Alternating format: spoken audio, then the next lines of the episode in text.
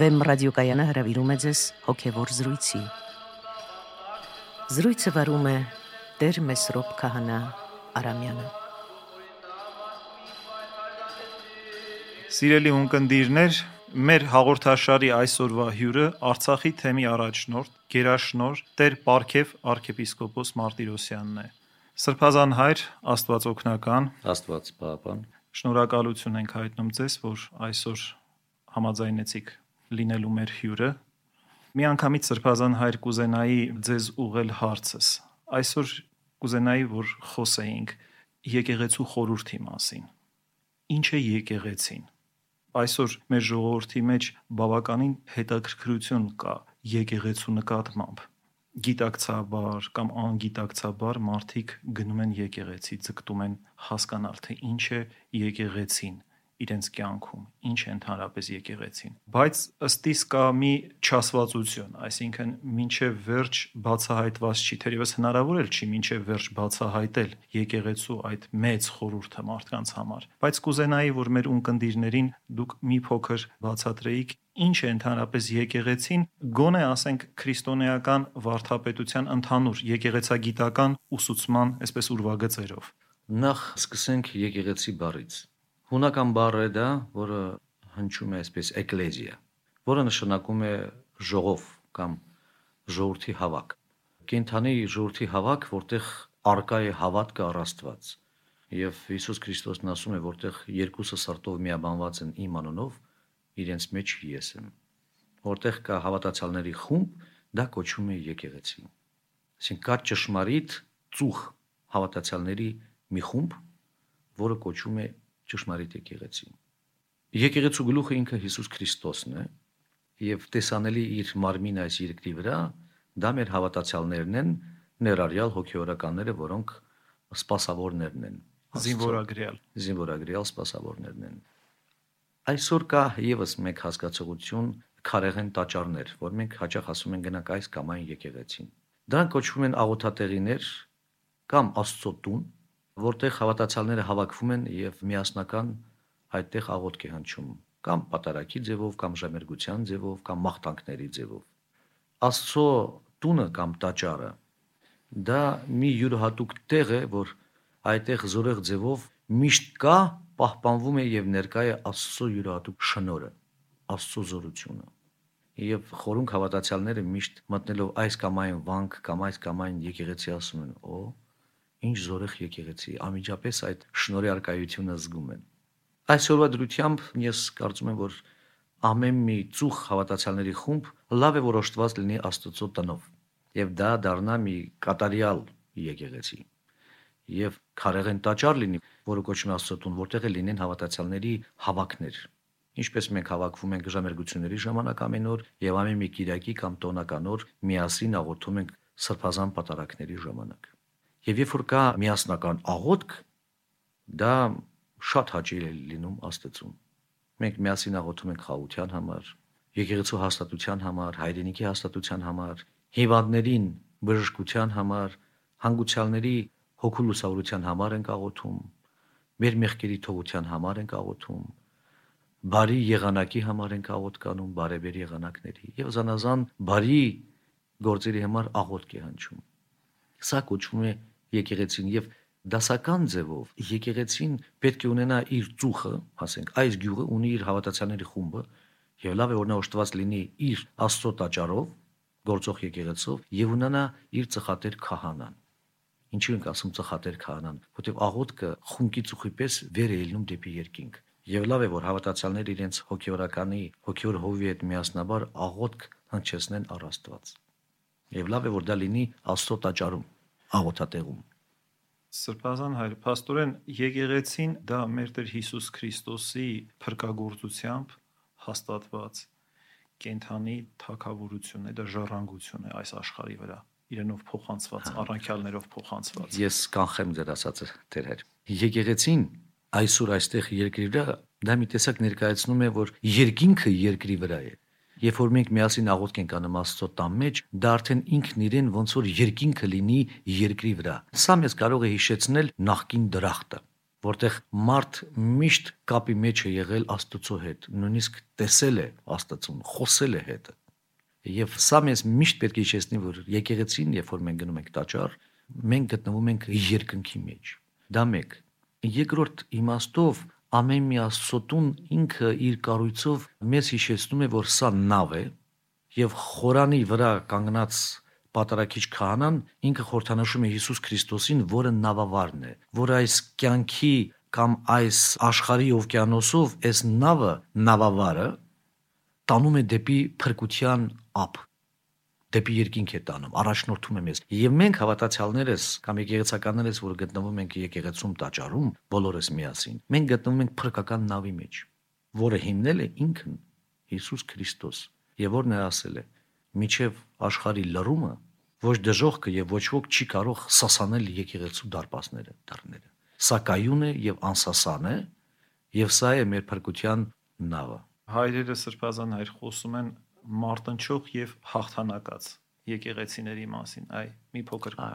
Երկրի վրա մարտնչող եկեղեցին մեր հավատացյալները եւ եկեղեցականներն են։ Հաղթանակած եկեղեցին դա երկնքում է։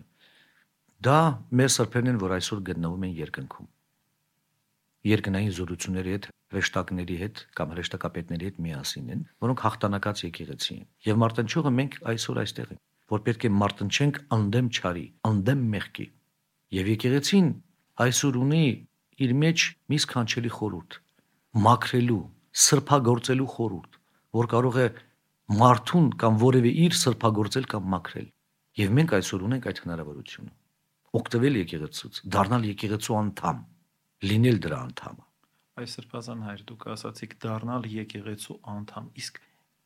ինչպես են դառնում եկեղեցու անդամ շատերը այս հարցին շատ թեթև են մոտենում կարծում են որ անպատրաստ գնալով մկրտվելով եւ այլն իրենք դարձան դրանով եկեղեցու անդամ այ կուզենայի եւ եկեղեցագիտական առումով դուք բացատրեք ինչ է նշանակում դառնալ եկեղեցու անդամ եւ նաեւ խորհրդական այսպես պլանի վրա ինչ է նշանակում դառնալ ճշմարիտ անդամ Քրիստոսի եկեղեցու նախ եկեղեցու անդամ դառնալու համար Մարդ պետք է մկրտվի սուրբ երթության անունով, բայց այդ մկրտությունը չպետք է ձևական բնույթ կրի,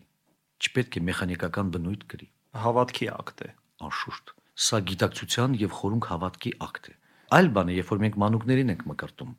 պատասխանությունը իր վրա է վերցնում ծնողը եւ կնքահայրը, այսինքն արդեն հոգեվոր ծնողը, որոնք պարտավորվում են Աստծո եւ եկեղեցականների արչեւ հոգեվոր խնամքը տանել այս կամ այն մանուկի միջև իրեն հասցնեն հասուն տարիքի, որ նա էլ կարողանա համապատասխան գիտակցությամբ շարունակել իր քրիստոնեական կյանքը։ Եթե գիտակից հասակում է մարդ գալիս դեպի մկրտություն, նա պետք է ապաշխարության շրջան անցնի, պատրաստվի, մաքրվի, զղջա, հրաժարվի իր նախկին մեղքերից եւ կանգնի ուղիղ ճանապարհի վրա հին եկեղեցում դա բավականին մեծ շրջան էր, չէ՞, դա 1 տարի, 2 տարի պատրաստվում էին։ Հանում դա շատ լուրջ էր եւ դա կարևորագույն հոգեվոր ակտներ այդ մաքրվելուց հետո, ապաշխարելու շրջանը անցնելուց հետո, երբ որ կնքահայրը եւ եկեղեցականը տեսնում են, որ ինքը արդեն իսկապես պատրաստ է մկրտության, նոր իրեն մկրտում էին եւ նա դառնում էր եկեղեցու զինվորագրյալ անդամ։ Եվ դառնալով նա պետք է ամրացնի իր եկեղեցու անդամը նա պետք է ամրագրի այդ երևույթը նա պետք է շարունակի զորեղ ձևով հավատքի մեջ ապրել նա պետք է շարունակի զորանա հավատքի մեջ որպեսզի իսկապես իրականության մեջ մնա եկեղեցու անդամ։ Դուք հարց տվեցիք, ինչպես դառնա ճշմարիտ Քրիստոսի եկեղեցու անդամ։ Միայն իր մաքուր կենցաղավարությամբ եւ խորունկ հավատքով, անկասկածելի անթերի հավատքով, որը իրեն զարթարում է առաքինի բարի գործերով։ Իսկապես իրեն տեսնելու տեսնում ես, որ նա իսկապես Քրիստոսի զինվորն է։ Այլապես կստացվի, որ մարդը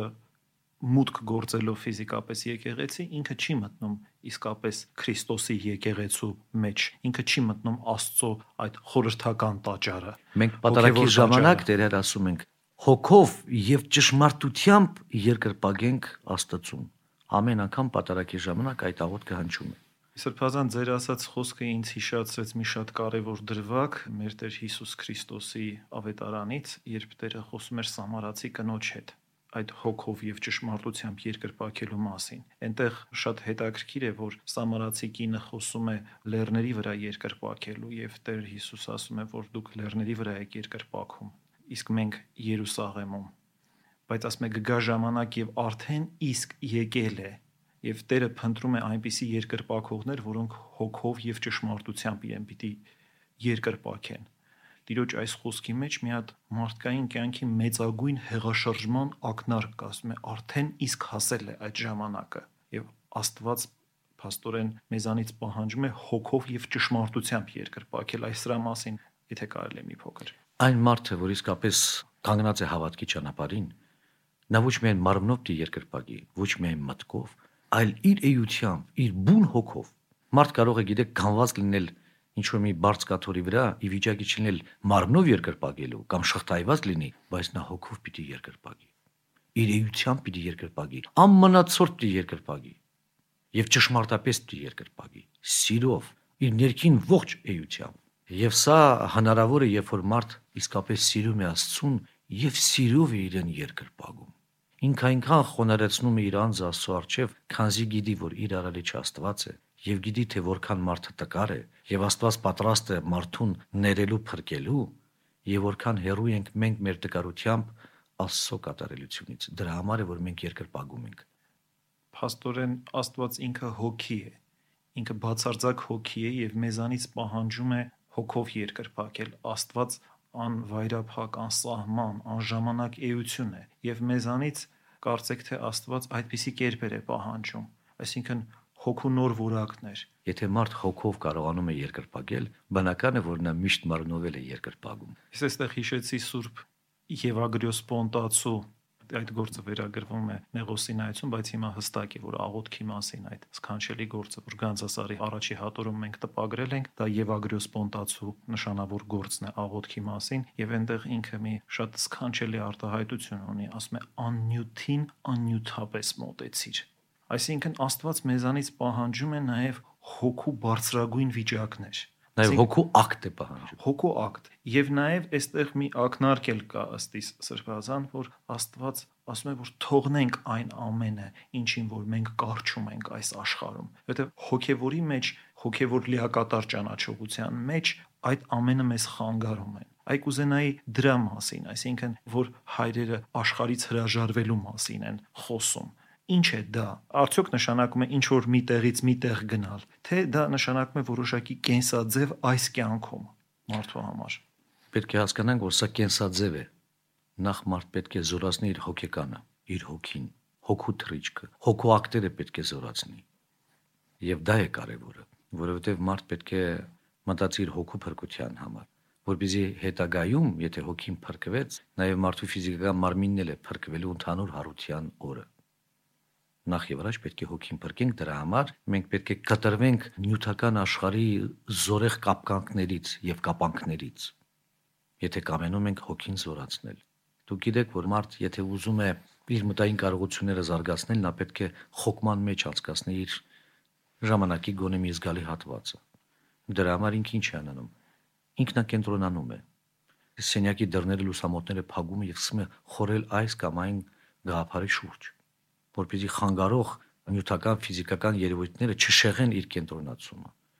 Առավել եւս մարդ պետք է մտածի ինչպես զորացնի իր հոգին ճշմարիտ հավատքի ճանապարհով։ Եվ ասեմ մեկ բան մեր ունկնդիրներին, շատ հաճախ գիտեք ասվում է, որ այն մեղքը, որ դժվար է մաքրվում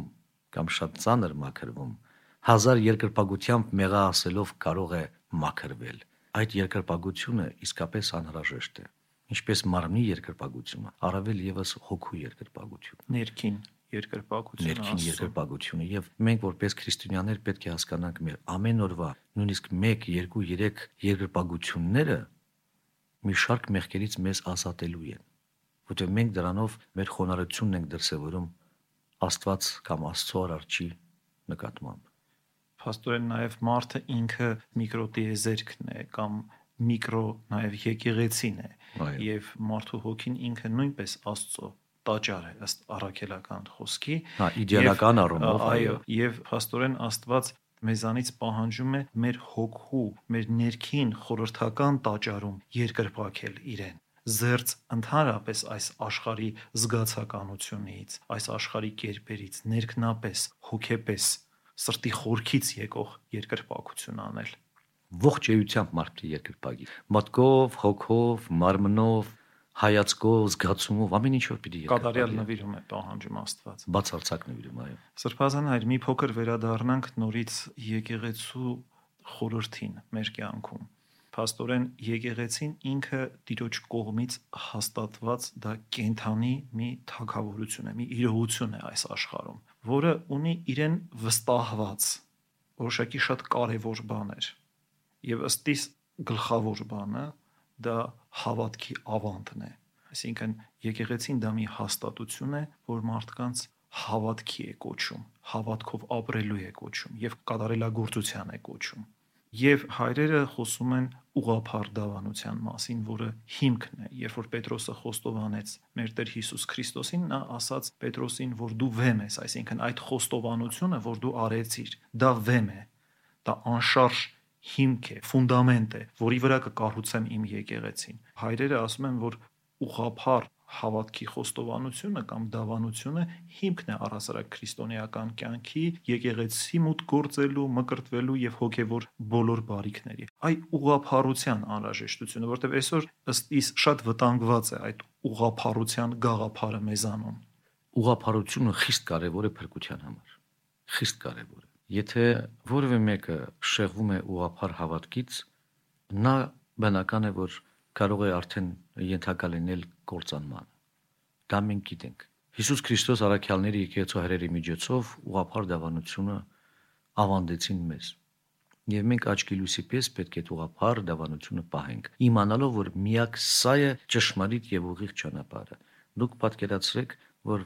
որևէ մարդ 1 մմ, չեմ ասում 1 սանտիմ, 1 մմ իր ելակետում շեղվեց Պատկերացրեք, եթե նա 1 կիլոմետր ճանապարհ անցնի, նա ուղիղ ճանապարհից շեղված կլինի, ասենք 15 մետր։ Իսկ մի քանի տասնյակ կիլոմետր անցնելուց հետո նա արդեն կթեքվի դեպի, չգիտեմ, արևմուտք, դեպի հյուսիս, իսկ մենք շարունակենք մեր ուղիղ ճանապարհը։ Դրա համար ուղիղ դավանանքից 1 մմ շեղվելը վտանգավոր է եւ կարող է տանել դեպի կործանում։ Դրա համար մենք պարտավոր ենք մատուցել մեր ժողովրդին ուղափառ դավանությունը, մեր եկեղեցու ուղափառ դավանությունը եւ աչքի լույսի պես անսասան ձևով այն պարտավոր ենք պահել։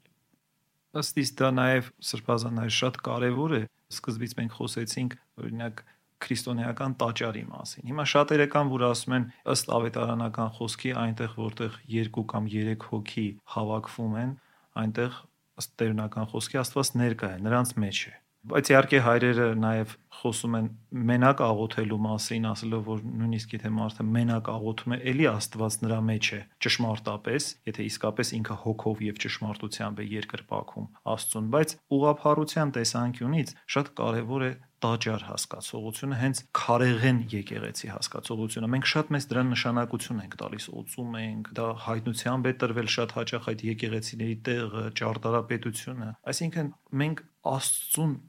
պաշտելու միասնական պաշտելու, ազգովի պաշտելու որոշակի վերաբերմունք ունենք, այսինքն որոշակի կերպ ունենք։ Եվ դա նաև մեր նկարագրին հարիր կերպ է։ Այ կուզենայի դրա մասին խոսեինք։ Նախ հիշենք, որ բոլոր մեծագույն սրբերը, ճկնավորները, անապատականները կարող էին գնալ անապատ, ամայի տեղ ճկնելու ամիսներով, բայց այնուամենայնիվ գալիս էին տաճար, մասնակցում են արարողություններին եւ սուրբ հաղորդություն էին առնում պատարակի ժամանակ։ Անընդհատ գալիս էին տաճար հասկանալով, որ սա կենսական տեղ է, կարևոր տեղ է եւ պետք է այդտեղ հաղորդություն առնեն։ Պետք է գան Աստծո տուն, ներկայանան Աստծուն եւ անտեսանելի Աստծո դեմքի արչեւ իրենց աղոթքը կատարեն եւ միասնական աղոթք։ Ինչու են նրանք անընդհատ գալիս եկեղեցի եւ հաղորդություն էին առնում, ասենք երկար ճգնությունից հետո։ Գիտեին, որ դա կարեւոր է հարավել եւս սովորական մարդիկ դա պետք է անեն։ Դա մեկ։ Երկրորդը, մենք ասում ենք տերունական օր Կիրակի օրը, չէ, ինչու են գնում եկեղեցի։ Մենք գնում ենք հանդիպելու մեր Աստծուն, իր արչև կանգնելու։ Դեմ առ դեմ, քանզի ամեն եկեղեցում խորանից մեզ է միշտ նայում ինքն Աստված, ուր ներկա է նաև հրեշտակները եւ սրբերը ամեն մի արարողության ժամանակ։ Պաստորեն Եվ մենք իրենց արժև ենք կանգնում, դա հատուկ վայր է, հատուկ տեղ է։ սրբագործված, հատուկ նվիրագործված մի տեղ է, որը մի մարդով չի կատարում, այլ ընդհանրական եկեղեցու կողմից փաստորեն սրբագործված։ Այդտեղ մի տեսակ միանում են երկրային եւ երկնային եկեղեցիները, մարտնչողը եւ հաղթանակածը։ Կա Աստված, հրեշտակներ եւ սրբեր, եւ մենք իրենց հետ միասին աղոթք ենք անում միասնաբար։ Դրանով զորացնում ենք մեր հոգևոր դաշտը, մեր հայրենիքը, մեր եկեղեցին, մեր քաղաքը, մեր գյուղը։ Եթե մենք մի աշխարհիկ հանդիսություն ենք անում, դրա համար լավ տեղ ենք ընտրում, կամ մի կարևոր մեծ մարդու պիտի դիմավորենք, հատուկ դահլիճ ենք ընտրում, այս ենք անում, այն ենք անում, այսինքն որոշակի վերաբերմունք ենք ցույց տալիս։ Եվ Առավել եւս պետք է զգուշ լինել մաքուր զգեստներով, մաքուր հոգով, մաքրված մարմնով, մտքերով պետք է ներկայանանք եկեղեցի։ Որտեւ Աստծո արչև ենք կանգնելու, գնում ենք դիմավորելու Աստծուն, իր արչև կանգնելու։ Եվ միշտ այդտեղ պետք է մեզ շատ խոնար պահենք, երբևիցե չխոսենք, որ անհարմար վիճակի մեջ չմատնվենք Աստծո արչև չխանգարենք այդ ընդհանրական աղոթքը եւ Աստծո բարկությունը չբերենք մեզ վրա։ Եվ առավել եւս զղջման զգացումը պետք է պատի մեր հոգին այդ պահին, քանզի Աստծո առաջ են կանգնած։ Եվ այդտեղ մենք պետք է կանգնենք որպես խոնար Աստծո ծառաները։ Ոչ ոք իրավունք չունի հպարտ կերպով կանգնել թակավորի արչև, առավել եւս թակավորների թակավորի արչև, Աստծո արչև։ Հետո սրբազան ճիշտ ասած մեր եկեղեցիների մեջ ես երբևիցե այլ տեղերում դա չեմ զգացել։ Իհարկե, միայն Երուսաղեմում արդեն տերունական տեղերի վրա այնտեղ ահավոր է այդ զգացողությունը միտեղ, որտեղ հենց ինքը Տերն է այդ տեղերով քայլել կամ կարևոր իրադարձություններ են այդտեղ տեղի ունեցել փրկական բայց մեր եկեղեցիներում կա մի շատ յուրահատուկ բան շատ մեզ համար հոգեհարազատ բան պատկերացրեք դուք մի տաճարում ես աղոթում որտեղ աղոթել է Գրիգոր Լուսավորիչը, Մեսրոպ Մաշտոցը, Սահակ Պարթևը, ասենք Մեծագույն մեծագույն սրբերը սրբեր էլի այդ իրենց սրբությամբ այդ ධարերով անցած այդ քրիստոնեական այդ լույսով տաճարները ոչ թե սրբագործվել են, այլ վերածվել են նվիրական մի վայրերի, որտեղ ամեն մի քարը ինքնին խոսում է եւ վկայություն է հավատքի։ Եվ երբ որ մտնում ես այդ տաճար, մի տեսակ հաղորդակցություն է նաեւ քո մեջ հաստատվում, ստեղծվում է անկակտելի կապ մեր հայրերի մեծագույն դեմքերի հետ մեկտեղ, ինչպես դուք ասացիք Տեր հայր, ամեն մի քարը վկայում է հավատքի մասին, ոչ միայն հավատքի, նաև հայ ազգի պատմության մասին։ Որտեվ ով գիտի, ինչ աղոտ կերանում Սուրբ Մաշտոցը կամ Սուրբ Սահակ Պարթևը, Սուրբ Արթամ Մամիկոնյանը կամ Սուրբ Հովանես Օձնեցին կամ չգիտեմ հետագայում Ներսես աշտարակեցին Խրիմյան հայրիկը, նրանք լծված էին ազգի պատմական իրադարձություններով եւ դրա համար էլ անդադար աղոթք են հնչեցնում առ Աստված։ եւ այսօր էլ անում են։ Եվ այսօր էլ շարունակվում է այդ բանը եւ դրանով ստեղծվում մի անտեսանելի հոգեվոր կապ մեր նախնիների եւ մեր միջև։ Եվ այդ կապը, երբ որ կա, նա ավելի զորեղացնում մեր հոգեվոր դաշտը, որը կնպաստի հզորեղացմանը մեր ֆիզիկական դաշտի։ Դրա համար մենք միշտ պետք է գնանք մեր եկեղեցին, մեր տաճարները, մեր աստծո տները, որտեղ մենք միանանք մեր նախնիների աղոթքին եւ նրանց ոգուն։ Սրբազան եկեղեցու այս թեման իսկապես անսահման թեմա է։ Շատ զրույցներ թերևս մեզանից կպահանջի, որպես այսօրվա զրույցի եզրափակում Ես կուզենայի մեկ հարց ուղղել ձեզ։ Ըստ ձեզ, ո՞րն է եկեղեցու գլխավոր падգամը այսօր մարդկանց։ Ինչ մի գլխավոր հիմնական падգամ կոչ ունի այսօր եկեղեցին ուղված մարդկանց։ Ես կարծում եմ այդ կոչը միշտ եղել է, կա եւ կմնա նույնը։ Բոլորը պետք է դարձի գան եւ դառնան աստծո կամ եկեղեցու զինվորներ, որպեսզի կարողանան ճշմարտապես կանգնեն հավատքի եւ փրկության ճանապարհին եկեղեցուց զատ փրկության ճանապարհ չկա, քանզի եկեղեցին հիմնեց Քրիստոս եւ այսօր այս եկեղեցին Քրիստոսի մարմինն է։ Առանց դրա փրկություն չկա։ Սա է պատգամը։ Եկեք ներս մտեք եւ փրկվեք։ Սրբազան հայր пастоրեն ըստ ձեզ եկեղեցու գլխավոր կոչը, падգամը այսօր ուղղված ժողովրդին դա մաքրվելու, ապաշխարելու, անշուշտ։ Մեղքերի ծանրությունից թոթափվելու, եւ հետեւաբար հավատքի ազատագրության մեջ մտնելու կոչ է։ Անշուշտ։ Եկեղեցին մենք մի քիչ առաջ ասացինք, որ դա փրկության նավն է, որը տանում է միայն ու միայն դեպի փրկություն։ Դու պիտի դառնաս այդ նավի անդամը, եթե կամենում ես փրկվել։ Միայն այդտեղ դու կարող ես զղջալ, ազատվել մեղքերից, ապաշխարել, մեղքերի թողություն ստանալ, սուրբ հաղորդություն առնել, դառնալ հաղորդակից Քրիստոսի հարության, փրկական մարմնին եւ արյանը։ Այդտեղ դու կարող ես ստանալ ճշմարիտ падգամը Եվ այդ ապաշխարության կոչը այսօր ինչքան է մեզ պետք սրբազան այս 70 տարիների շատ խիստ կարևոր է մեզ համար, որտեղ մենք այսօր անցումային շրջան ենք անցնում։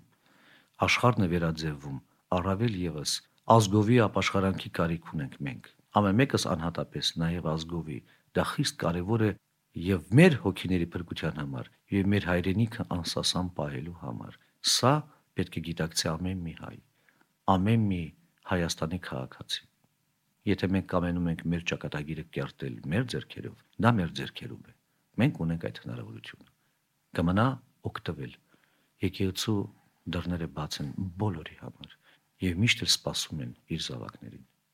Շնորհակալություն Սրբազան հայր այս հոգեշահ զրույցի համար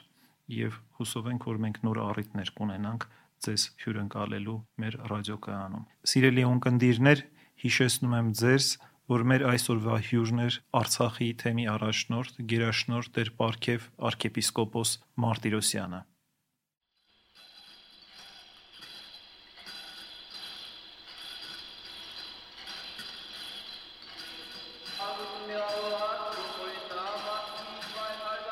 Հոգևոր զրույցներ հաղորդաշարի հերթական հաղորդումը վարեց Մեսրոպ Քահանա Արամյանը։